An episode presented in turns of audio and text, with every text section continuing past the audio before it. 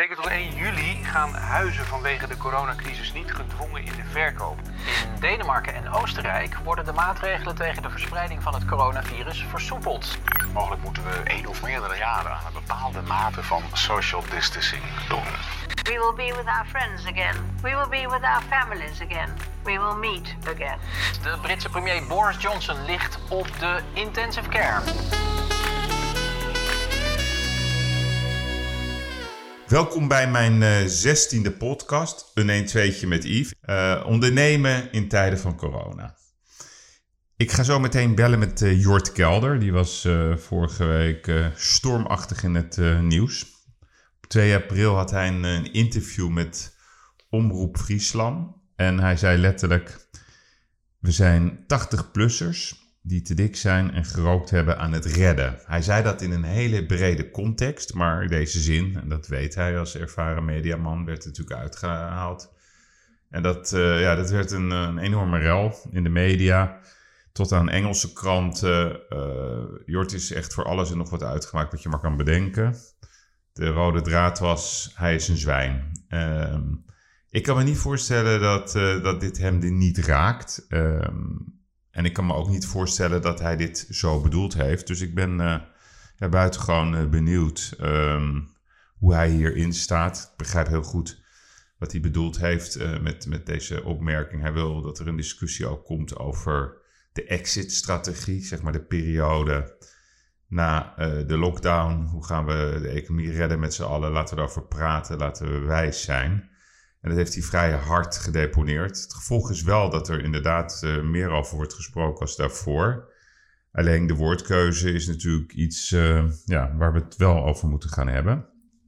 Um, maar ik ga nu uh, bellen met Jort. Hij zit in zijn tweede huis op Terschelling. Volgens mij had hij net een videoles gegeven aan het gymnasium. Yves, hallo dan. Goedemorgen. Ja, goedemorgen Jort. Ja, ik, ik zei net uh, bij de introductie, je zit lekker daar volgens mij uh, op jouw huisje in Terschelling. Dat kan niet anders. Jazeker. Ja, ik zit aan zee en uh, het is hier fantastisch, want er zijn bijna helemaal geen toeristen meer. En er gaat nu een, een buizerd op mijn vlaggenmast zitten. Ja, oh. ja, die zie je ook voor het eerst. Nee, ik had ook net, ik had Emmy Stoel van, van, van The Grand. Ja, die ja. geniet ook van de stilte in de stad. Geen toeristen. Het is bijna too good to be true, zou je zeggen. Hè, die rust. nou, dat heb ik niet hoor. Ik bedoel, luister, ik vind het prima dat er verder niemand is. Maar uh, dat je geen mensen kan ontmoeten bijna, dat vind ik wel heel ongezellig. Ja. Maar Terschelling, voor wie het niet weet, is natuurlijk het eiland van Sil de Strandjutter. Ja, dat weet ik dan weer niet. Ja, ik ken de naam, maar dat is niet... Ja, God, ja. Dat was een van mijn um, favorite uh, ja, series in mijn jeugdjaren. Ja, Wopke, Wopke of Lopke, Lopke, Monique van de Ven. Ja, Monique van maar, de Ven. Maar Monique heeft overigens niet op Terschelling een eiland, die, heeft een huis op Vlieland, op het naburige eiland. Ah, oké. Okay, dus... Hey, maar hoe groot is Terschelling, even voor mijn informatie? Dat is best, uh, Terschelling is wel groot, uh, 28 kilometer, dus paal 28 is de laatste paal. Het begint bij paal 1 uiteraard. Hmm. Het heeft het grootste strand van Europa, dus bij mij voor de deur ligt ongeveer ik denk 500 meter uh, behoorlijk wit zand.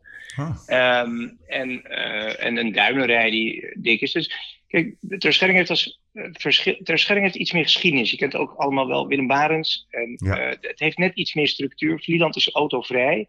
Terschelling niet. dus, en Texel vinden wij vaste wal. Dus dit, het heeft wel een eigen cultuur. Vooral ook wel een nautische cultuur. En ja, god weet je ik, hier, waarom niet een huis in, uh, in Zuid-Frankrijk of in Italië? Ja, misschien doe ik dat ook nog een keer. Mm. Maar ik, ik, mijn naam, Jort, komt hier vandaan. Ik ben vernoemd naar een vriendje van mijn vader die hier ook vandaan komt. En uh, ik hou wel van die ruige Hollandse kust. En zeker nu zo dat zachte voorjaar komt, ja, is het hier wel prettig hoor. Ja. ja en het is natuurlijk veel bereikbaarder. Want ik vind in zo'n vliegtuig naar Marbella en zo, ja, jezus, zit je weer drie uur in die Transavia. Daar heb ik helemaal geen zin in. Nee. en en waar, waar stap je op Want je, als je met de auto gaat? Harlingen. Harlingen oh, bij Harlingen. Ja. En dat is dan ja. hoe lang? Is het een mooie tocht ook? Nou, dat als je, nou ja, als je met een, met een snelle boot gaat, ben je er in drie kwartier. En als je er met een langzaam met je auto gaat, dan ben je er in twee uur. En dat, maar dat vind ik ook wel weer leuk, want dan, oh, het heeft iets alsof het ver weg is. Weet je? Alsof het een, een afgelegen stukje Nederland is. En dat is het ook. Het is het meest afgelegen stuk van dit land. En het is dus de enige route is via Harlingen? Ja. Nou ja, je kan ook zwemmen. Vanuit Ja, nee, begrijp dan ben je ik, maar echt dan- een stuk aan het. Ja, dan, moet je, dan kom je bij Ferry Weertman ligt, het terecht. ligt een kilometer of 25 uit de kust, geloof ik. Ja. Ja, ja, nou, dat is best een, bo- dat is een mooie tocht, lijkt mij. En hoeveel, hoeveel bewoners heeft Terschelling, normaal gesproken? 4.500. 4.500. En, en, en, en de plaatselijke horeca ook dicht? Alles is dicht. Alles En, is ook eh, echt ja, dicht. Ja, ja. Eh, alles is dicht. Dus je hebt hier wat van die huisjes in de duinen, waar ik het aan een van heb. Eh, Daar, daar zitten nog wel wat mensen. Maar de hotels zijn dicht, er is niks te doen. Alleen de supermarkt is open, maar je kan niet eh, op enig niveau hier nu eh, iets gaan eten of zo. Ja, dat is, dat is be- be- best lullig. Maar ik heb een waanzinnige goede cateraar. Ja. Die, eh, die mij gewoon voorziet van foragering. Dus dat is echt wel. Ja, nee jongen, het is allemaal helemaal prima geregeld.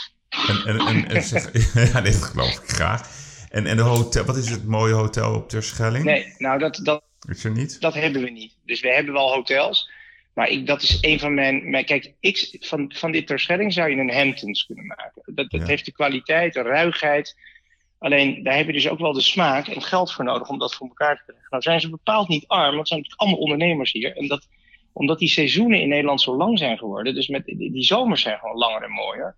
Waar ze vroeger maar drie maanden hadden om het te verdienen, hebben ze tegenwoordig, ja, nu even niet dan, maar uh, hebben ze tegenwoordig bijna acht maanden dat ze hun geld kunnen verdienen, misschien nog wel langer.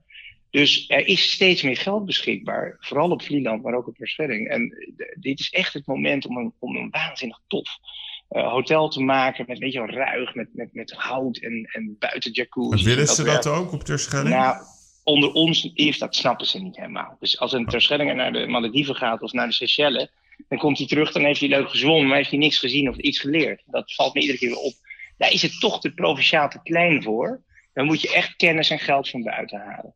Um, maar dat, weet je, als jij een hotel Terschelling vindt en je bent geen eilander, dan zou ik maar in ieder geval zorgen dat je een goede brandverzekering hebt. Want de kans dat dat lang staat, dat hotel is niet zo groot. Ja. Nou, ik zeg het nu toch wat ruig, maar als je, geen, als je niet van hier bent, zoals dat heet, is het iets moeilijker om een, om een, om een bedrijf te beginnen dan wanneer je wel een eilander bent. Maar is, is, is, is, is Terschelling, zeg maar, bij Texel heb je dat, vind ik, best wel sterk. Je hebt echt Tesselaars. Heb je dat ook, Terschellingers? Heel erg. Ze ja. hebben hun eigen taal, ze hebben hun eigen ja. cultuur. Ik, ik vind dat Terschelling uh, onafhankelijk moet worden, dat zich moet afscheiden. Okay. Dus als wij hier uh, één windmolentje zouden hebben, hebben we niet. Maar een beetje zonnepanelen, dan kun je. En we hebben trouwens gas voor de kust. Dus als we ons continentaal plat een beetje uitbreiden, dan kunnen we eigenlijk ons volledig afzonderen. Kijk, er komen in die, in die toeristenseizoen komt natuurlijk zoveel geld binnen. Uh, en het meeste geld gaat weer terug naar de wal in vorm van belastingen. Dus uh, de, ik geloof dat er in de, in de zomer in, in Terschelling maar acht mensen met een uitkering zijn. Dus uh, de, ik, dat is heel aantrekkelijk. Dus wat dat betreft, ja, niemand heeft, iedereen werkt. En geen gepruts. En nou ja, goed, we hebben geen ziekenhuis. Je moet met een helikopter naar Leeuwarden. Maar ja. Um, de, ik, denk dat ze, ik denk dat het als economietje zichzelf vrijwel zou kunnen bedruipen. Misschien wel meer dan dat. Ja, oké. Okay. En want wie, wie, wie komt meestal naar Terschelling toe in de zomer? Nou, Zijn dat ja, de Duitsers? Nee, nee, die komen naar Ameland. Nee, ik zie er eigenlijk bijna geen Duitsers. Nee, dat zijn, ja, die komen overal wel vandaan. En eerlijk gezegd, uh, rijp en groen. Dus je ziet wel van die. In, in het najaar heb je altijd wat hier heet de grijze golf. Uh, maar luister, uh, het is niet bepaald sexy. Hè? Dus er zijn ontzettend veel uh, mensen met, met windjacks en elektrische fietsen en kortgeknipt haar en zo. En dat, dat is nou niet helemaal mijn genre. Dus laat ik het zo zeggen. Als je, niet, als je bijvoorbeeld wil werken, zoals achter je werktafel, je wil schrijven en je wil niet afgeleid worden door vrouwelijke schoon, is dit een ideale plek. Ja, ja. Oké, okay, want zijn, zijn er. ja, maar dat vroeg ik me ook af. Hè? Want jij zei dat je alleen bent in je huis met je kat. Heel veel, ja. ja maar heb je ja. niet af en toe dan bezoek? Dat lijkt mij toch heerlijk. Iemand die even komt logeren. Soms heb ik wel eens een logeer, ja. ja. Mannelijk en vrouwelijk, ja. Dat, is, is verschil. Maar dat heb ik wel eens. Maar meestal ben ik alleen, moet ik zeggen. Maar ik kan heel goed solitair zijn. Volgens mij is juist deze tijd voor heel, mensen, heel veel mensen een oefening in alleen kunnen zijn en in hobby's kunnen hebben en jezelf kunnen vermaken. Nou, daar heb ik geen enkele moeite mee. Want hoe ziet jouw dag eruit? Nou, ik ben nu eigenlijk, zoals met jou, ik ben eigenlijk alleen met iedereen aan bed. Dat is heel raar. Dus al mijn werk is weggevallen, al mijn optredens zijn uiteraard afgezegd. Uh, ja, mag gewoon niet meer. Dus ik uh, uh, dacht, nou, dan ga ik dus nu een boek schrijven. En dat dacht ik drie, vier weken geleden. En ik ben nog een stap verder, want ja, ik word alleen maar gebeld. En het, het, is ook een tijd dat je dus met je vriendjes wil bijpraten en zo. En de, ja. de curves ja, mooi, wil studeren. en de, ja. Ja, en, en, en inderdaad al die nieuwe apps waardoor je zit te, te, te facetimen en zit te, weet je, zit via Zoom, Zoom uh, met die hoofden en de party uh, app, hoort het, die house party en zo. Dus je hebt allemaal van die. eh, ja, op de een of andere manier is het sociale verkeer. gaat nu erg via die telefoon en die, en die computer. Terwijl je vroeger gewoon in restaurant afsprak. Maar het, het slokt mijn hele dag op. en ik Ja. heb daarnaast heb ik, heb ik misschien achteraf niet zo slim, maar ik heb gedacht, ik moet mezelf even bezighouden. Kijk, ik heb bedankt voor zo'n dagelijkse talkshow. Hmm. Of voor op één of zo- zo'n zo'n presentatieklus. Dus ik had niet een behalve mijn radioprogramma op zaterdag. De publieke omroep heb ik verder niet een vaste verplichting. Dus ik dacht, nou ja, weet je, ga ik iets vinden. En ik heb nu sinds twee weken doe ik de Jort Call. Doe ik dus iedere ochtend om 11 uur live met een aantal ja, hoogleraren of eh, types die ergens iets vanaf weten. Een beetje buitenhof. eh, Ja. eh, in, een, in een populaire, nou niet eens een populaire vorm, maar ja, een gesprek van een half uur, drie kwartier met wat mensen. Gewoon over nu. Dat doe ik alleen tijdens de quarantainetijd, ook om mezelf te dwingen om er een richting te gooien. En om ook de techniek van die videocalls beter te beheersen. Want dat is heel anders dan wanneer je aan tafel zit met iemand. Ja. Je hebt geen lichaamstaal. Hè? Wij hebben al helemaal geen lichaamstaal nu. Nee. Maar ook met zo'n videoding zit altijd vertraging in en het geluid is nooit perfect. Dus dat probeer ik mezelf eigen te maken, omdat mijn vak, dus presenteren voor zalen, ja, dat gaat nu natuurlijk toch naar online toe. Dat moet wel, want we- ik denk dat Ja, want jij zei, het de- jij, zei, vertelde me dat je had net een videoles voor het gymnasium. Wat was dat precies? Ja, ja, het gymnasium in Almere, ik weet niet of ze gymnasium hadden, maar dat hebben ze daar. Eh, een leraar vroeg mij eh, van ja, wil jij morgen in de maatschappijleer eh, les meedoen? Ik heb natuurlijk nogal wat omstreden uitspraken gedaan vorige week. En dan Je ga je dus met 30 of 40 van die leerlingen in gesprek. Ja. Ehm, dat is eigenlijk wel heel leuk. Ja, dat is gewoon. eh, Maar dat ging, dan, via- dat ging dan via Zoom ook? Ja, ja, dat ging vanuit Zoom. En dan zitten er. De meeste leerlingen doen hun camera niet aan, want die zien er nog niet helemaal fris uit, denk ik, zo in de ochtend. Ja. Maar dan heb je, ja, er zat er ook eentje die was aan. Volgens mij was dit gymnasium 5. Ik zag er ook eentje in zijn auto rondrijden tijdens de les. dus ja, mooi. Ja. Ja. En wat was, de, wat was zeg maar de, de beste vraag van de leerlingen? Ehm, nou, het ging eigenlijk over vrijheid. Of wij in een politiestaat zijn beland. Daar ging het eh, erg over. Ik vind het goed dat ze daarover nadenken. Want ik denk dat over het algemeen het steun van het beleid van de regering best groot is. Hmm. Maar dat houdt wel op binnen een paar weken. Dat moet nou, dat- we doen dat nu even een paar weken onze best. Maar dan moet er ook wel eh, verbetering komen. Dan moeten we ook echt wel eh, vrijheid weer gaan terugkrijgen, toch? Ja, Dat, nee, En ja. dat voelden zij ook wel. Dus eh, ja, er werd dus, een meisje heette Soraya, die stelde dus wel een slimme vraag. Ja, die vroeg, zijn we in een politiestaat beland? ja zoiets, ja. Ja, En, en wat vind jij daarvan? Zijn we dat? Ja mild. Eh, niet zoals in eh, China, maar eh, ja, natuurlijk wel. Als jij nu met een groepje op straat staat, straat krijg je een boete. Dat zou ik toch wel als een politiestaat definiëren. Nou, ik hoorde zelfs Maar- dat als je met, met, met vijf man in de auto zit, dat je dan 2000 euro boete krijgt. Dat wist ik helemaal niet. Ja, Als je even dat iemand wist naar ik huis ook, dat wist ik ook niet. Ja. Ben ik even blij dat ik alleen maar auto's met twee stoelen heb. Maar Ja. ehm, dat, dat, daar verdien ik het toch weer terug. Maar eh, nee, maar eh, de- de- kijk, het is natuurlijk heel makkelijk om mee te gaan in al die maatregelen. Ja, het is nou even nodig, het moet even. En allemaal van die technologie-apps. Ik ben daar ook voor hoor. Maar ik vind Hmm. het ook ontzettend goed dat mensen er waanzinnig kritisch op zijn. Zeggen, jongens, er is ook een grens. En krijgen we onze vrijheden straks nog wel terug. En ik heb eigenlijk nog nooit een overheid gezien die terugtrad. Ik bedoel, al die overheden die altijd roepen minder regels, minder bureaucratie, minder belasting. Heb jij het ooit gezien? Ik heb het nog nooit gezien. Nee, dat vind ik zo jammer juist. Dat, dat, dat, dat die discussie is er helemaal niet. Ik denk als er ooit een discussie is om ons hele fiscale systeem eh, op te blazen en het te vereenvoudigen, is het nu. Ja. Ik hoor het niet. Het is meer regels. Eh, Ja. De hele ambtenarenapparaat. ja, apparaat. Ik ben niet tegen ambtenaren, maar ja, laten we wat minder doen. Eh, ja, maar ook niet. Ja, dus. Maar nee, even. sterker, er is een waanzinnige socialistische tendens nu. Er zijn allemaal lui die roepen, ja, dat virus dat komt door het globalisering, door, Ja. door de multinationals. Ja, het- je kan zeggen, het, het, is versneld omdat we vliegtuigen hebben. Ja, daar zitten ook al die mensen voor 29 euro naar Barcelona ook zelf in. Dus ehm, eh, dat kan. Maar om nou het kapitalisme hier de schuld van te geven, ja, eh, dit komt gewoon omdat er een een of andere stommeling, eh, over, over die Chinezen daar die hele vieze, smerige voedselmarkten eh, runnen, waar, waar gewoon eh, virussen over blijken te springen. En dat, dat wist de Wereldgezondheidsorganisatie altijd al, dat wisten de Chinezen. En Xi heeft het nu dan officieel verboden. Nou, ik ben benieuwd of hij het ook gaat handhaven. Maar dat is gewoon de oorzaak. Dus je kan een enorme grote oorzaak. Ja, dit, dit moest wel gebeuren. Of dit is een straf van God. Hou nou toch op, zeg.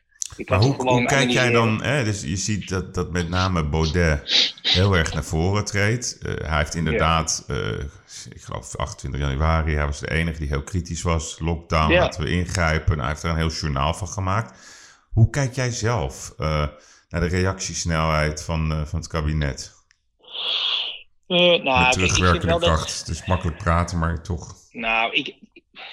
Kijk, eerlijk gezegd heb ik dit ook onderschat. Ik weet nog dat ik bij Jinex zat begin van de maand toen je die eerste beurscrash kreeg. Hmm. En toen zei je, joh, dit is helemaal niet een, dit is een virus, is een griepje. Maar voor de rest is het een virus in het hoofd van de media. Iedereen is gek geworden. En ik zit een beetje ertussenin. Ik denk dat omdat alle andere landen doen en de grenzen dichtgaan. En er natuurlijk als je, omdat het zo ontzettend besmettelijk is, dat als je niks doet, dat je ook wel echt wel grote rijen voor het ziekenhuis krijgt. En mensen die liggen te sterven in de straat. Dat, dat, dat, zou je, dat zie je ook in bepaalde landen nu gebeuren. Ja. Dus het is. ik- Kijk, ik denk dat het uiteindelijk mee zal vallen. Ik denk als we terugkijken dat we zeggen, ja, het was een virus dat twee, drie keer erger is dan een gewone griepvirus misschien. eh, qua dodental en zo. Eh, maar het is nu zo maatschappelijk ontwrichtend aan het worden. Het is een soort massahysterie over de wereld. Eh, waarbij iedere ratio en ook iedere kritische kanttekening tegenover het beleid meteen wordt gezien als een daad van grootse rebellie. Of van eh, dat mag je toch niet zeggen. Dat heb ik vorige week dus zelf aan de lijf ondervonden. Ja, want, want even terug Dat- naar vorige week. Ja. Kijk, dat was. ehm, ik, zat even, ik denk, ik ga even luisteren naar dat gesprek. Het was exact een week geleden, 21 uur 25. Omroep Friesland. Het gesprek heeft 8 minuten en 58 Ja. seconden geduurd. En wat was de zin? Ja, maar wat was de zin waar, waar, waar iedereen over. We zijn 80-plussers die te dik zijn en gerookt hebben aan het redden. Dat was de zin van het interview van 9 minuten, zeg maar. Dat was het zinnetje, ja. Ja, wat eruit is gehaald, dat heeft ook de Engelse pers Er gehaald zat, inmiddels. ja, er zat eh, de Franse, er zat ook een context in natuurlijk. Ja, ja, maar Eh, leg eens uit aan mij, eh, want ik ken jou even wat beter Ja. dan andere mensen. Je bent uitgemaakt voor de gemiddelde tendens was zeg maar dat je een zwijn bent.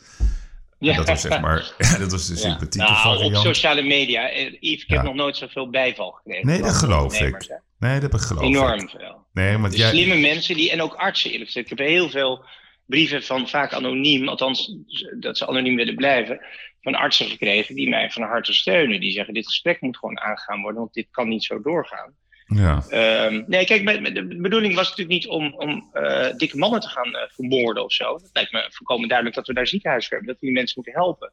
Maar er is natuurlijk gewoon een afweging te maken tussen ehm, hoe lang kun je een land op slot houden, kun je een economie eh, totaal de Filistijnen indraaien en voor welk belang doe je dat dan? En als dat betekent dat je een, een Kijk, de, sommetjes van de risicogroepen, hè, van de kwetsbare mensen die gemaakt zijn, dat, zijn, dat zit natuurlijk vooral in de ouderen, dus 70 plus.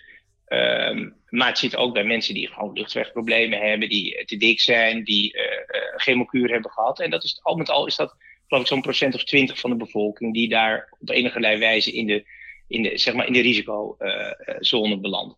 Nou, mijn stelling was, laten we die groep nou heel goed beschermen. Dat gebeurt natuurlijk al gedeeltelijk nu. Mhm. Maar er komt enig moment dat die andere 80%, waarvan de wetenschap, dat zegt niet ik, maar waarvan de wetenschap zegt, die zullen het niet of nauwelijks zullen ze last hebben van het coronavirus, die moeten die economie weer op gang duwen.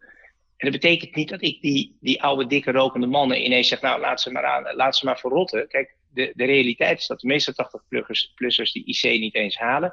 Kijk even bij jou in Amstelveen, Bed Shalom, waar in een, in een uh, uh, verzorgingshuis allemaal oudjes aan het sterven zijn. Um, waar een slachting gaat, dus wat natuurlijk ongelooflijk verdrietig is. En wat ik natuurlijk, ik heb ook een vader in die categorie, waar ik natuurlijk helemaal niet op zit te wachten dat die man omvalt. En dat wil hij ook niet. Maar je kan wel proberen om die twee werelden zo te scheiden dat het naast elkaar kan staan, gezondheid en economie. En wat de regering nu zegt, op plek 1, 2 en 3 staat gezondheid. En die economie zien we later wel. En dat ja. doen ze nu nee, door... Maar, nee, maar wacht, ik wil wel daar even over hebben. Ik, volgens mij is dat ook de, de, de, de, de Cats Institute, die dat in Amerika, ja. volgens mij heeft Leon de Winter daar een paar keer over gepubliceerd. Dus een soort scheiding van de maatschappij. Maar wat ik toch even aan je wil vragen. Um, ik heb er ook over na moeten denken wat je zei. Mijn vader is vorig jaar overleden, die was 80, die rookte, die was niet dik trouwens. Hij is overleden ja. aan, een, aan een virus, uh, ook op de zorgafdeling. Dus dat schijnt ja. elk jaar te gebeuren in grote getalen in alle, alle zorghuizen ja. van Nederland. Ik had hem graag nog een paar jaar uh, bij me gehad. Jouw vader is 89. Ik had eergisteren Erik de Vlieger aan de lijn. Ik zei, Erik, die ken jij natuurlijk ook. Wat vind jij nou van die opmerking van, van, van Jort? Nou, Hij heeft er ook twee dagen over na moeten denken. Iedereen begrijpt de context, hè, wat jij bedoelt. Jij zei letterlijk op tv, vond ik een hele goeie.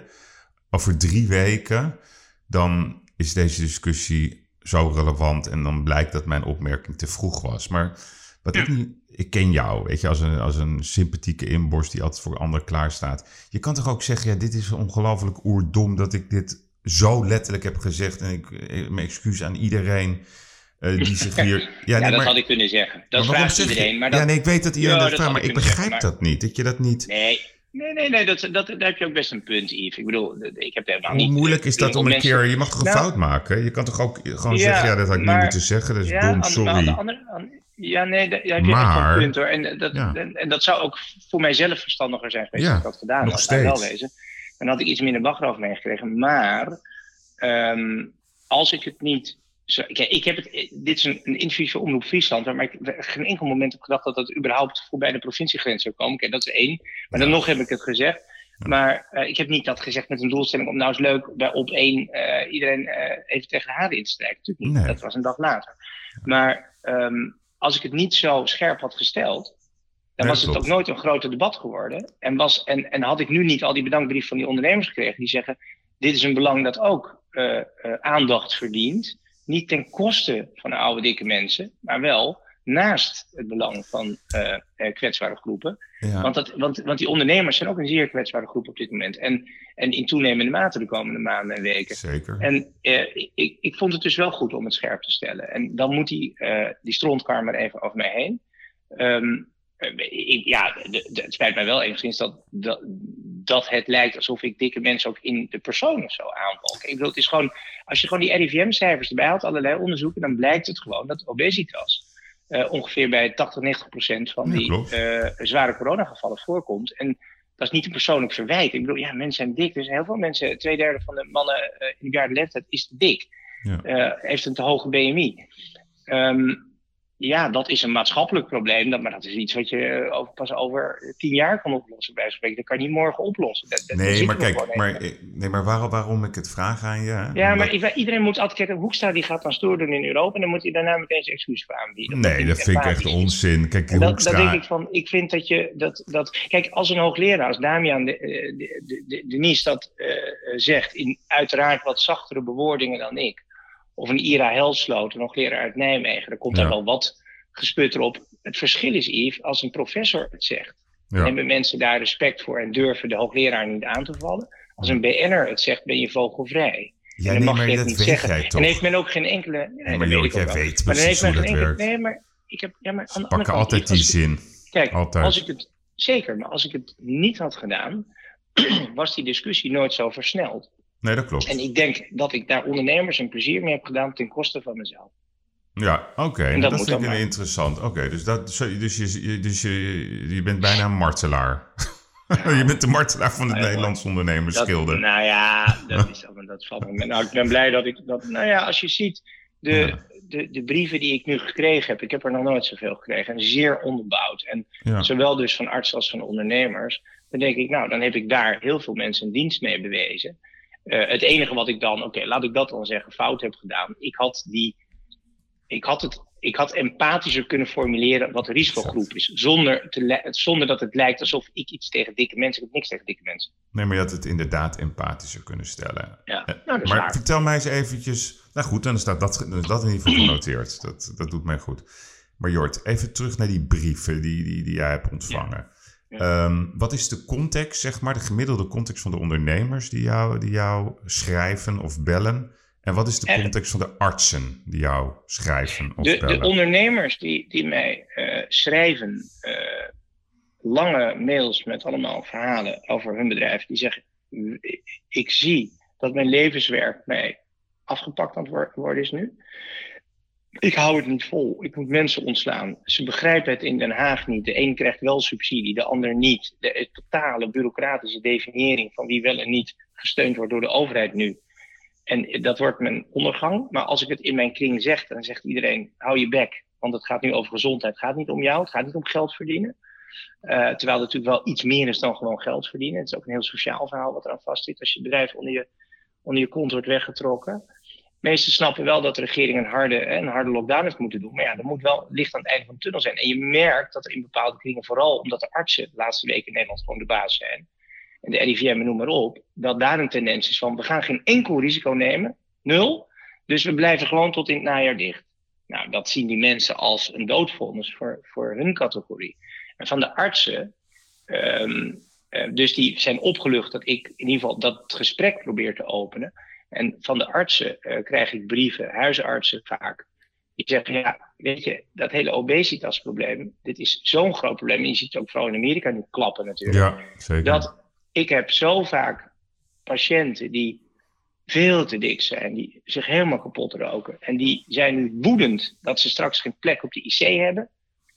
Terwijl ik al tien jaar probeer met ze te bouwen aan een betere toekomst voor ze, aan een, een gezonder lichaam. En ik word er zo wanhopig van dat um, het, het, mijn werk is gewoon zinloos. Uh, en ik vind het dus goed dat dat besproken wordt. En dan van een andere categorie artsen, die zeggen: Ja, ik ben leverarts. Of ik ben, uh, ben een ander soort arts. En ik heb ook uh, kankerpatiënten die in terminale staat verkeren, die ik niet mag opereren. Waarvan ik gewoon zeg: Komt u over. Ik had een schrijnend verhaal van een van de artsen. Die zei: Ja, ik heb hier een jongen van een jaar of dertig. Die heeft nog 13 weken die moet ik opereren, maar ik mag hem niet opereren. Ik heb hem naar huis moeten sturen.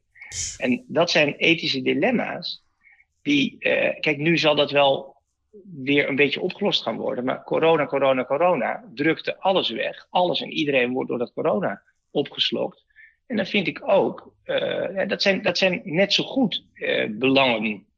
Um, en ik denk dat je, dat je sowieso, als je naar allerlei rapporten leest, ben ik een beetje bang. Dat, ik sprak Maarten van Rossum gisteravond erover, die mij bijvalt in deze hele discussie. Maarten ook niet zo bang om een standpunt in te nemen, zoals je weet. En die zei, ja, het is, hij zei, ik ben risicogroep, ik ben te dik, ik ben oud, ik ben dit, dat. Dus ik snap heel goed, uh, dat, ik, ik heb, ik, hij zei, het is natuurlijk veel te bot wat je hebt gezegd, maar je hebt wel een punt. Ja, maar er is natuurlijk in Nederland, een, of in de wereld, waarschijnlijk een complete overreactie op dit virus. En daar kijken we over een tijdje op terug. Dat we zeggen, jongens, wat hebben we gedaan? Had dit niet iets uh, Maar hoe verklaar jij het gedrag dan? Dus laten we het vanuit een psychologische uh, ja. positie... Hoe verklaar jij dit wereldwijde ja. kuddegedrag? Um... Ja, massahysterie, populisme. Uh, politici willen stoere dingen doen. Dus politici willen krachtdadig overkomen. Hè, dus sluit alles af nu. Um, Kijk, ik zeg niet dat, dat het niet afgesloten had moeten worden. Want dan heb je natuurlijk, omdat het zo besmettelijk is, best een, ja, het is gewoon een pandemie. Ja. Maar het wordt op een, op een autoritaire manier geserveerd, die iedere, ieder begin van nadenken over andere opties uh, onmogelijk maakt. Zelfs in een misdadig uh, daglicht. Want wat jij nu ook weer zegt, oké, okay, ik heb mij misschien niet zo vriendelijk uitgedrukt in één zinnetje in een context. Hè? Maar goed, context weg, zinnetje blijft over. En daar gaat het, gaat het de hele tijd over vorm. Maar laten we het nou gewoon over inhoud. Maar daar gaat, ja, maar je hoort even met alle respect. Dat is al 15 jaar natuurlijk in het medialandschap aan de gang. De zinnetjes ja. zijn, zijn zeg maar dodelijk. Ja. Eén fout zinnetje. En jij weet dat. Ik bedoel, jij bent... Ja, natuurlijk weet ik dat. Jij bent uh, de hoogleraar op het ja, gebied van, van, zinnetjes. Ik ga, ja, maar wat, kijk, ik, de, de, de, al die schreeuwers op internet, die sociale media, bemoei ik me niet meer. Maar er zijn ook best in de pers uh, behoorlijk ja. malicieuze stukjes tegen mij verschenen. Van, ja. uh, kijk, je grootste vijand is altijd collega-journalist. Ja. En of dat nou kenniszinnen is of... Soms, of, ja, het gewoon niet, ik, ik, weet, dat kan ik nooit bewijzen, maar er zit een soort, soort kwaadaardigheid in. Die staan klaar om je omver te trekken. dat hopen ze dan, dat doet niks, dat best weinig. Maar, maar doet het echt op, helemaal op, niks? nou, er was een, een stukje in de Volkskrant van, van een wetenschapsredacteur... Van wie die was dan dat? een heel sommetje had gemaakt ja, Maarten, nog iets. Die, um, die heeft zich dan helemaal ingespannen om aan te tonen dat ik 400.000 mensen het ziekenhuis injaag, waaronder 85 baby's die dood zullen gaan door mij. Ja, ja. Door mijn voorstel, door mijn giftige voorstellen en denkwijze. En ik denk, ja, dat is heel kwaadaardig, want dat gaat van de premisse uit dat ik uh, ineens alles open zou willen gooien zonder enige controle. Dat is natuurlijk helemaal niet het geval. Ja, maar dat of raakt jou wel, alle toch? bescherming. Nou, omdat het, dat, in feite is dat een aanklacht van poging tot moord. Ja, en, um, en dat, is, dat is gewoon dubieus. En, en dat komt niet voort uit een wezenlijke bijdrage aan het debat, maar dat komt voort uit diepe haat tegen mij. Dat mag, maar dat Hmm. vind ik journalistiek gezien niet heel objectief natuurlijk. Nee, Want als je dus niet wil horen wat ik zeg, namelijk ik steun het regeringsbeleid op dit moment, maar het moet wel in begin mei, en andere landen doen dat gelukkig nu al, Denemarken en Oostenrijk, eh, tot een zekere gecontroleerde versoepeling gaan komen, omdat ik anders een economisch drama zie van jaren 30 proporties. Ja, ik vind dat dat een zeer wezenlijk belang is. En als je dat niet nu al onderkent, dan ben je straks te laat en dan begint het hele dominospel om te vallen. Ja. En dan wil ik, en, en weet je waar het ook uit voortkomt, Yves? Wat mij ontzettend stoort, is dat, oké, wij zijn in lockdown gegaan, eh, en dan, dan kijk je een beetje wat de reacties zijn. Die mensen bij die grote bedrijven, die 90% van hun salaris wordt allemaal doorgestort, mijn belastinggeld. Ik krijg als DGA niks en met mij duizenden en duizenden ondernemers krijgen ook niks. Wij vallen onder een van die 90% van mijn inkomen is weggevallen. Ik val buiten, buiten alle eh, eh, Regelingen. hoe noem je dat? Regelingen. Daar heb ik voor mezelf nog niet zo'n probleem mee. En ik vind het voor mezelf ook wel een les in nederigheid. Ik moet mijn spaargeld opeten. Nou, fijn, weet je, ik doe dat wel. Maar er zijn een hoop ondernemers die er veel slechter aan toe zijn dan ik. En die om zullen vallen. En daar is, daar is niets voor. En dan krijg je dus discussies bij grote bedrijven van ja, hoe moet het dan eh, met mijn vakantiedagen? Ja, het is wel eh, gedoe hoor met de kinderen thuis. En dan denk je, jongens, hebben jullie enig idee wat er gaande is? Wat er Nee, maar dat hebben ze. Nee, maar dat Ze hebben geen idee. nee, die geen idee. Nee, maar jij. Geen kijk, idee. Dus laten we even kijken naar de percentages. Want ik denk dat de meeste mensen echt gewoon echt geen idee hebben ook. Nee. Volgens mij is maar 20% van de Nederlanders zijn economisch getroffen wat er nu gaande is. Volgens mij klopt dat. Maar wel in het hart. Wel gewoon In het weg, hart. hè? Vol, In bam. keer. Dus dit is fase 1. Nou, dus Ja. dan zie je in fase 1 zie je de coronaleugenaars die laten hun bedrijf failliet gaan onder het motto corona is het probleem. Dat is niet zo. Maar nu komen we in fase 2. Dus dat zijn de, de, de- dus toch wel oké start-ups. Die, kunnen, die hebben geen liquiditeit meer, want de banken Nee, doen gewoon niks. Ja. Maar fase 3, die komt eind mei. Dan kunnen ze vakantiegelden niet betalen en dan valt die 90% regeling tegen. Want Yves, we moeten toch met z'n allen nu zeggen: geen dividend voor de aandeelhouders, geen vakantiegeld voor de werknemers. Dat is toch wat er nu moet gebeuren. ja, maar als je dat dus, ik heb het aan. Als je dat zegt, ben je een soort. nou, een schande, ik heb recht op mijn vakantiegeld. Nou, desnoods keren we het in december uit als we nog Ja, overeind staan. Maar nu even. Ja. nu even niet. Maar dat Dat kan grappige is, gewoon niet. Maar ze je hebben het niet dus- door, joh. Ze Nee, leven, nee, we leven in een welvaartsbubbel. Ja. Ja, het- alsof geld is ook vanzelfsprekend. Weet je wat ik eerlijk gezegd een opmonterend bericht vond, hoe cynisch het ook klinkt, Ja. is dat de gemeentes ineens financiële tekort hebben. Ja, de gemeente Amsterdam komt er ineens achter dat er geen parkeergeld meer binnenkomt. Ja. En, en ja, dat is wel. Dus Den Haag moet het even aanvullen. Maar alles wat Den Haag aanvult, moeten jij en ik straks storten in de vorm van belastingen. Of ze denken dat ze de geldpers kunnen aanzetten. Maar, maar gewoon het basale besef dat een Nee, economie ja, dat een welvaartsstaat alleen overeind kan houden. Als je, ik bedoel, wie gaat er volgend jaar nog, of over dit jaar nog winstbelasting afdragen? Wordt altijd heel erg gemeesmuild, nee, bedrijven betalen nooit winstbelasting. Ik meen even uit mijn hoofd dat er een miljard of twintig aan winstbelasting per jaar binnenkomt. 20 Ja. miljard weg, boom. Ja. Dus ik zeg niet dat die maatregelen niet noodzakelijk zijn geweest. Maar er is ook nog een andere werkelijkheid. En die betekent dat de, de, de bodem onder onze welvaart aan het uitvallen is. En dat is een waanzinnig groot belang, want ook daar worden de salarissen van de artsen van betaald.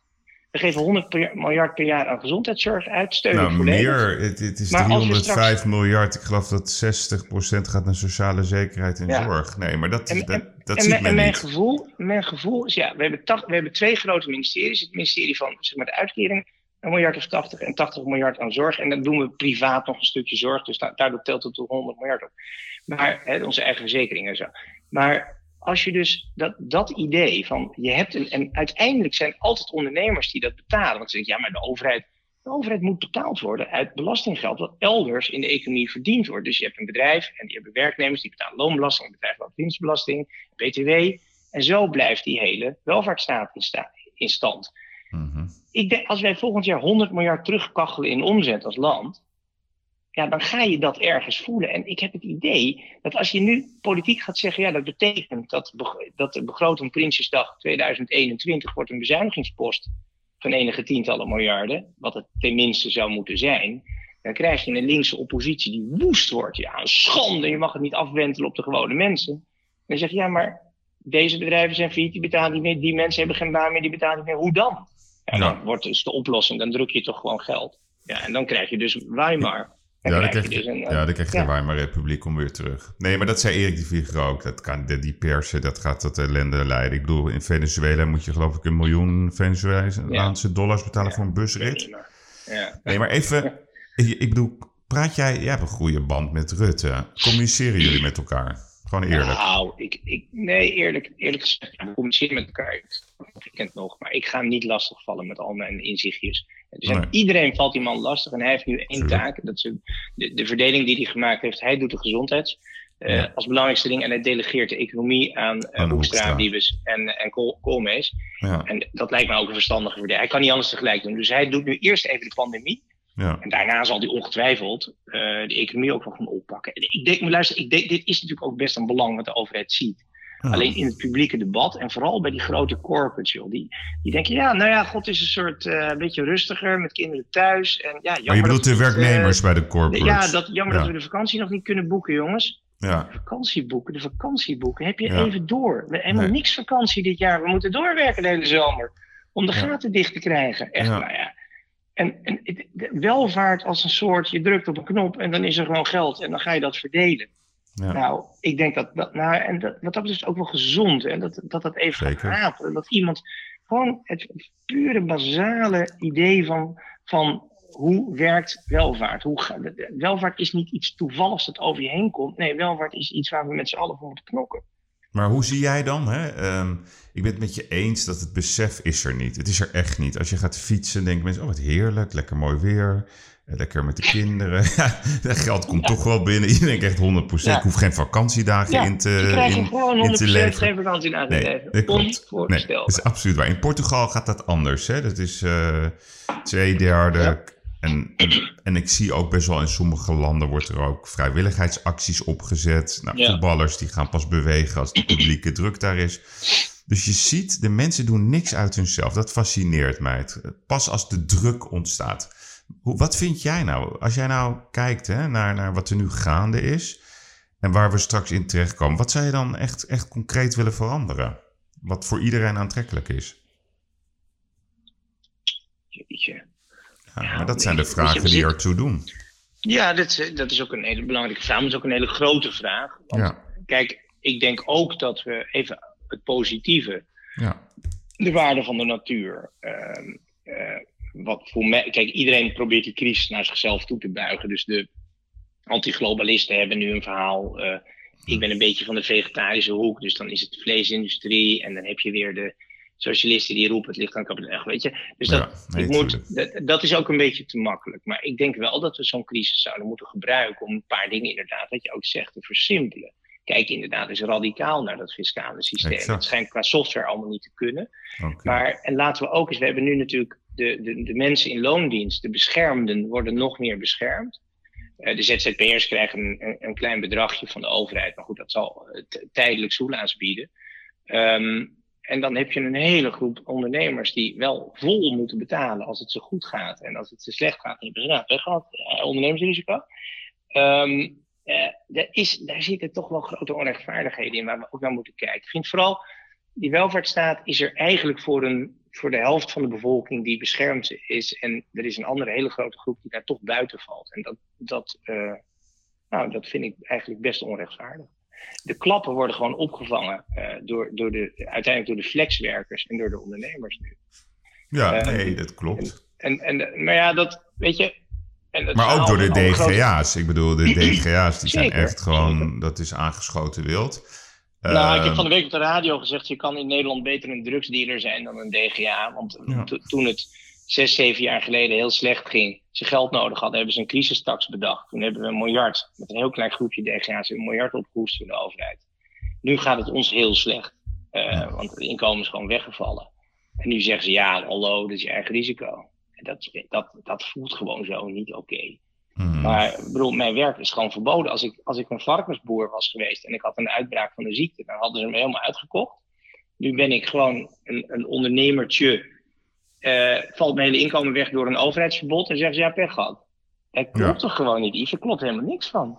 Nee, maar dat wordt natuurlijk straks, straks wordt dat voer voor de, voor de advocaten natuurlijk. Ik heb al een paar advocaten gesproken die zeggen, nou, Nou, ik doe graag mee. Doe Ja. graag mee. nee, maar dat Maar is ik, weet, weet natuurlijk ook niet goed, ik wil niet zo Nee, ik wil niet voor mijn eigen hachje. Ik Nee, wil, ik wil ik. niet voor mijn eigen cent, dat vind ik ook zo armoeig. Ja, Maar het is ik meer dat, dan denk ik ook, Ja. hebben die ambtenaren in, op die ministeries, snappen ze wel hoe die economie in elkaar zit, wie wie is, hoe dingen werken. Is de paus katholiek? En- en- ja, nee, weet je, ik denk van Ja. niet. De, kijk, wat mij opviel... niet. Ik weet nog dat Grapperhaus, die ging staan en die zegt... Die heeft echt letterlijk gezegd... alle evenementen zijn verboden tot 1 juni. Heeft hij echt gezegd. Ja. Ja. En hij gaf als voorbeeld het bevrijdingsfestival. Dus iedereen die evenementen ging organiseren... net voor 1 juni, die dacht... oh, het gaat niet door. Klein evenement van 50 man. Waarop de organisatoren dan als antwoord... nee, alleen vergunningsgerelateerde evenementen.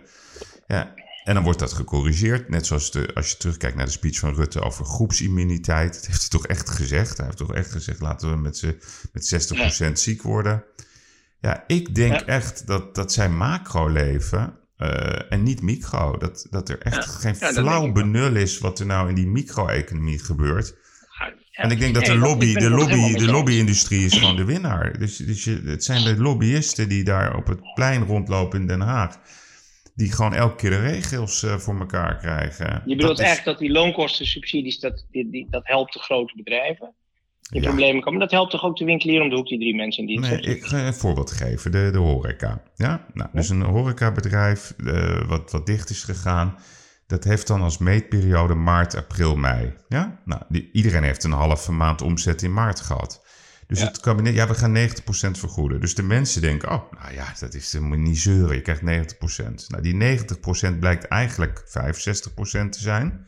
Want er wordt nog een correctie gedaan. Dat had Won Jip heel goed uitgerekend. Hè, de horeca-ondernemer uit Amsterdam. En vervolgens is dan die 65%, die moet je dan extrapoleren op maart. Waar je de helft omzetverlies hebt. Dus dan krijg je maar 33% vergoed. Nou, dat wordt straks gestort op die rekeningen. En die, die, die, die jongens die moeten dan eh, hun personeel gaan betalen. En dan denken ze, oh, probleem. Dus het wordt ook niet goed uitgelegd. Dan wordt het, dan wordt het bijna aantrekkelijk om het bedrijf te laten ploffen. Dus. Exact. En het Ja, wordt ook dus aantrekkelijk om te sluiten. Snap je? Dus ook die Ja, anderhalve ja, meter economie die, die, die nu besproken wordt. Dat heeft helemaal geen zin. Want dan voor de helft heb je een open. derde van je omzet met Ja. 80% van je kosten. Ja, dat Dan gaat kun je beter gewoon eh, de, nauwregeling doen, in welke vorm dan ook. Dus ik heb het vermoeden, er is enorme eh, politieke wil. Ze willen, eh, ze willen nee, de rust bewaren. Dat is er. Maar toch heb Ik ik, vond het die idee... persconferenties die ze gaven, we gaan alles Goed. doen wat mogelijk is. Dat vond ik goed. Dat, daar werd je ook best een beetje, ja, sympathiek, werden we een beetje trots op. Zo. Ik denk, Nederland gaat dit gewoon doen. Ja. We hebben inderdaad diepe zakken. We hebben het goed gedaan de laatste tien jaar met z'n allen. Dus we kunnen nu deze knal opvangen. Maar als je dan naar de uitwerking kijkt. En dan ziet welke bedrijven er allemaal buiten vallen. eh, Of hoe dat dan ingevuld. Dan denk je echt van, oh mijn god. Dit gaat in de hopeloze Haagse bureaucratie helemaal vastlopen. Maar Dus wat, ik heb hoe kunnen we dit, wordt een soort Gronings gasdossier. Let maar op. Dit gaat net verkeerd. Ja, exact, dat denk ik ook. Dit is het aardgas. Maar is er dan niet een soort optie om te zeggen... Kijk, ze hebben het Outbreak Management Team... dat dan het kabinet adviseert. Nou, ik dacht dat er alle lage types in zaten, ondernemers. Maar dat is gewoon ja, een groepje virologen... om het eh, oneerbiedig Ja. met permissie uiteraard te zeggen. Dus met alle respect, mensen doen allemaal hun werk. Maar, Heel die, belangrijk, ja. maar die genieten ook. Ik bedoel, dit is de Tuurlijk. droom van elke viroloog. En dat is Ja, niet onaardig bedoeld. ja, Ja. Nee, maar dit is waar ze van dromen. Dus moet er niet nu een soort, eh, ja, een soort, soort groep komen eh, en niet met de usual suspects, die gewoon gaat brainstormen over hoe we hier uitkomen. Mensen die Hoe we een- herstarten, ja. ja, zonder dat ze daar Ja, ik belangen bij niet, hebben. ik, ik, ik heb echt geen idee, Yves, of dat op die ministeries en zo al geantemeerd wordt, of daar gesprekken over zijn. Maar wat mij in ieder geval wel duidelijk is, is dat, wat jij precies wat jij zegt, macro, hebben die politici Ja. allemaal verhalen en, en budget en weet ik wat. Alles en micro hebben ze geen idee. Ze Geen hebben geen idee. En, en, en dat is precies het angstige, want als dat kaartenhuis eenmaal in begint te storten, dan trekken ze eerst de kleine bedrijven en dan gaan de grote jongens op een gegeven moment ook. Want Ja. die denken dat ze onkwetsbaar zijn. Maar dat denken ze Kijk, de Ahold is de enige die nu meer geld verdient. Ja. Maar er zijn natuurlijk een paar AIX-bedrijven die op een gegeven moment ook een tik. Ik bedoel, wie gaat er nog een huis kopen? Wie gaat er nog een auto kopen? Wie gaat, weet je, dat, het kan niet anders dan dat dat ook om, om gaat vallen. En al- tenzij het goed doet, volgens mij, en het is een verschrikkelijke socialistische maatregel, maar moet je veel meer kijken naar, we nemen de omzet over Ja. van geraakte industrieën. Ja. Vanaf van die omzet moeten ze salarissen en huur en al die andere toestanden en ook belastingen betalen. Dan krijg je dus weer een stuk terug. Maar dat is een veel eenvoudiger, generieker maatregel dan met hele ingewikkelde. Oh ja, wat is uw inschrijvingsnummer bij de Kamer van Ja, Koophandel en welke branchegroep zit u? Nee, maar Ja, dat, en, Het is weer werkverschaffing. Ja, ik begrijp het ook niet hoor, maar ik uh, voel me ook af en toe in dat opzicht een roepende in een woestijn. Want ja, het, Mm. het is ja. Maar. Yves, dit, gaat vanzelf, dit, dit komt vanzelf aan de oppervlakte. Kijk, als de aprilsalarissen niet betaald kunnen worden door bureaucratische onkunde, dan hebben we ruzie. Ja. En in mei krijgen heel veel ondernemers die enorme dubbele eh, ellende van, die, van dat vakantiegeld. Ja. Ja, daar had je voor moeten sparen. Want moet je, ja, dat is allemaal makkelijk gezegd. Maar eh, op het moment dat je bedrijf helemaal geen omzet meer heeft, dan heb je dus ieder dubbeltje gewoon wel even nodig. Ja. Ik heb al ondernemers gesproken hoor, die zeggen van eh, hoe het gaat, gaat het, maar ik ga het vakantiegeld niet uitkeren. Dat kan gewoon even niet. Nee. En als mijn, onder, als mijn werknemers dat niet acceptabel vinden en dan weg willen, ja, dan moeten ze maar weg. Ik ga, Ja. het kan, en het is allemaal wettelijk opgebouwd. De FNV zal waarschijnlijk woest worden. Ja. Maar ja, in een tijd waarin, waarin we in een oorlogssituatie belanden, beginnen over je vakantiedagen en je vakantiegeld, lijkt mij eerlijk gezegd wereldvreemd. Ja. Het klinkt best donker. Hebben we nog iets, iets, iets vrolijks? Nou, Buiten nee, de Terschellingse nee, zon? nou ja, moet je luisteren. Wat ik gewoon ook in mijn eigen zie. Er komt natuurlijk een enorme creativiteit los. Mensen zijn toch inventief. En zeker ondernemers. Ondernemers laten hun bedrijf niet kapot maken. Nee. Dus we gaan ook, want jij zegt die anderhalve meter economie, er komen ook leuke oplossingen. Een restaurant kan ook een hele simpele kaart gaan doen met een, met een staf in de keuken die, die, die op een lager kostenniveau eh, eh, producten, gerechten kan gaan maken. Maar je, dan moet het, kan niet anders dat er leuke dingen uit voortkomen. Mijn eigen tv-vak, wat nu verschuift naar video, waarbij je dus eigenlijk, eh, ik ga nu straks, ik moet over een paar minuutjes mijn Jordcall gaan doen. Ja. Ik had me een maand geleden niet kunnen voorstellen dat ik dat iedere dag zou doen met hele relevant, interessante mensen. Ontzettend leuk. En, en, en ik denk dat er ook, en dat is weer het altijd goede nieuws van een crisis, als er nog een paar echt slechte bedrijven om gaan vallen, ik gun het niemand persoonlijk, maar is het ook een schoonmaak. waardoor Let op je economie woorden, sterker uit. Let je Nee, woorden. Ik ga je nee, maar nee, maar- Dus krijg je dat nee, weer. Maar bedrijven moeten ook failliet kunnen gaan. Hè? Bedrijven Ja. die gewoon niet goed zijn. Het zou niet goed zijn of belastinggeld gaat naar bedrijven die eigenlijk failliet hadden moeten gaan. Hmm. Dus dat je zombiebedrijven creëert, dat wil je ook niet. Nee, maar ik denk dat dit, dit doet een beroep op ons overlevingsinstinct. Ja, eh, ook als ondernemers. En dat leidt eh, tot. Ik denk dat Nederland er als een van de allerbeste landen van de wereld uit zal komen. Dat denk ik werkelijk. ja dat, dat zou wij kunnen dit. zijn. Wij kunnen dit en we hebben toch, ondanks Dat alle bureaucratie, we hebben een verdomd sterke overheid. En daar mogen we ook best een beetje trots op zijn. Kijk even wat een rotzooi het in Italië is. Hè? Ja, niet te geloven. Ja, En die willen ons nog wat bonnetjes sturen ook. ja we nee, maar dat gaat niet gebeuren. Daar moet ik zeggen dat ik echt uh, Hoekstra alle lof voor. Ik Hey, sta helemaal even- achter Hoekstra. En daar ga ik nu met Harold Benink van mijn Jordcall over praten. Want die vindt natuurlijk En wel wie dat is Harold eh, Benink? hoogleraar eh, Tilburg zit in allerlei van die commissies. Ja, die vinden dat we solidair moeten zijn. En dat we gewoon even de schuld van Italië op ons dak moeten nemen. Ja, ja. Italië is zeven keer zo rijk als Nederland. Betalen geen belasting. Zwart geld, economie, ze kunnen maar wat. Ja, zo is het. Nog wel. één vraagje, Jort. Ehm, veel managers, eh, ondernemers luisteren ook naar de podcast. Ehm, Ja. Wat is nou jouw tip? Je hebt al die crisissen meegemaakt. 2001, Ja, ik vind 9-11. dat- Wat is de twee tip? tips. Ja? Ik vind toch het belangrijkste wat we nu leren is... Je kan niet alles met vreemd vermogen doen. En, met, eh, en je moet zorgen dat je een, een oorlogskast hebt, een potje Ja, hebt. Zeker. Waardoor je een half jaar door kan komen. Dat is ook voor mijzelf een persoonlijke les. Hmm. Eh, en cut, back to the basics. Ik bedoel, eh, ik heb acht auto's. Ja, wat moet ik met acht auto's? Weet je, daar moet wat uit. De Maserati gaat te koop staan. Eh, tuurlijk kun je het, als het je heel goed gaat, allemaal permitteren. Maar wij zijn, zo, we zijn twee, drie generaties welvaart sinds die oorlog gewend. Het ging altijd maar beter. Op een paar kleine knikjes na. En we leren nu dat het leven ook wel eens kan tegenzitten. En dat is toch goed. Daar leer je toch van. Ook een persoonlijke groei hoor. Ik vind het is een les in nederigheid. En dat kan helemaal geen kwaad. Word je Helemaal goed. Mooi. Ja? Heer, heer. Hoi, hey Yves, ik moet door. Ja, succes. Bye is bye. Bye bye. bye.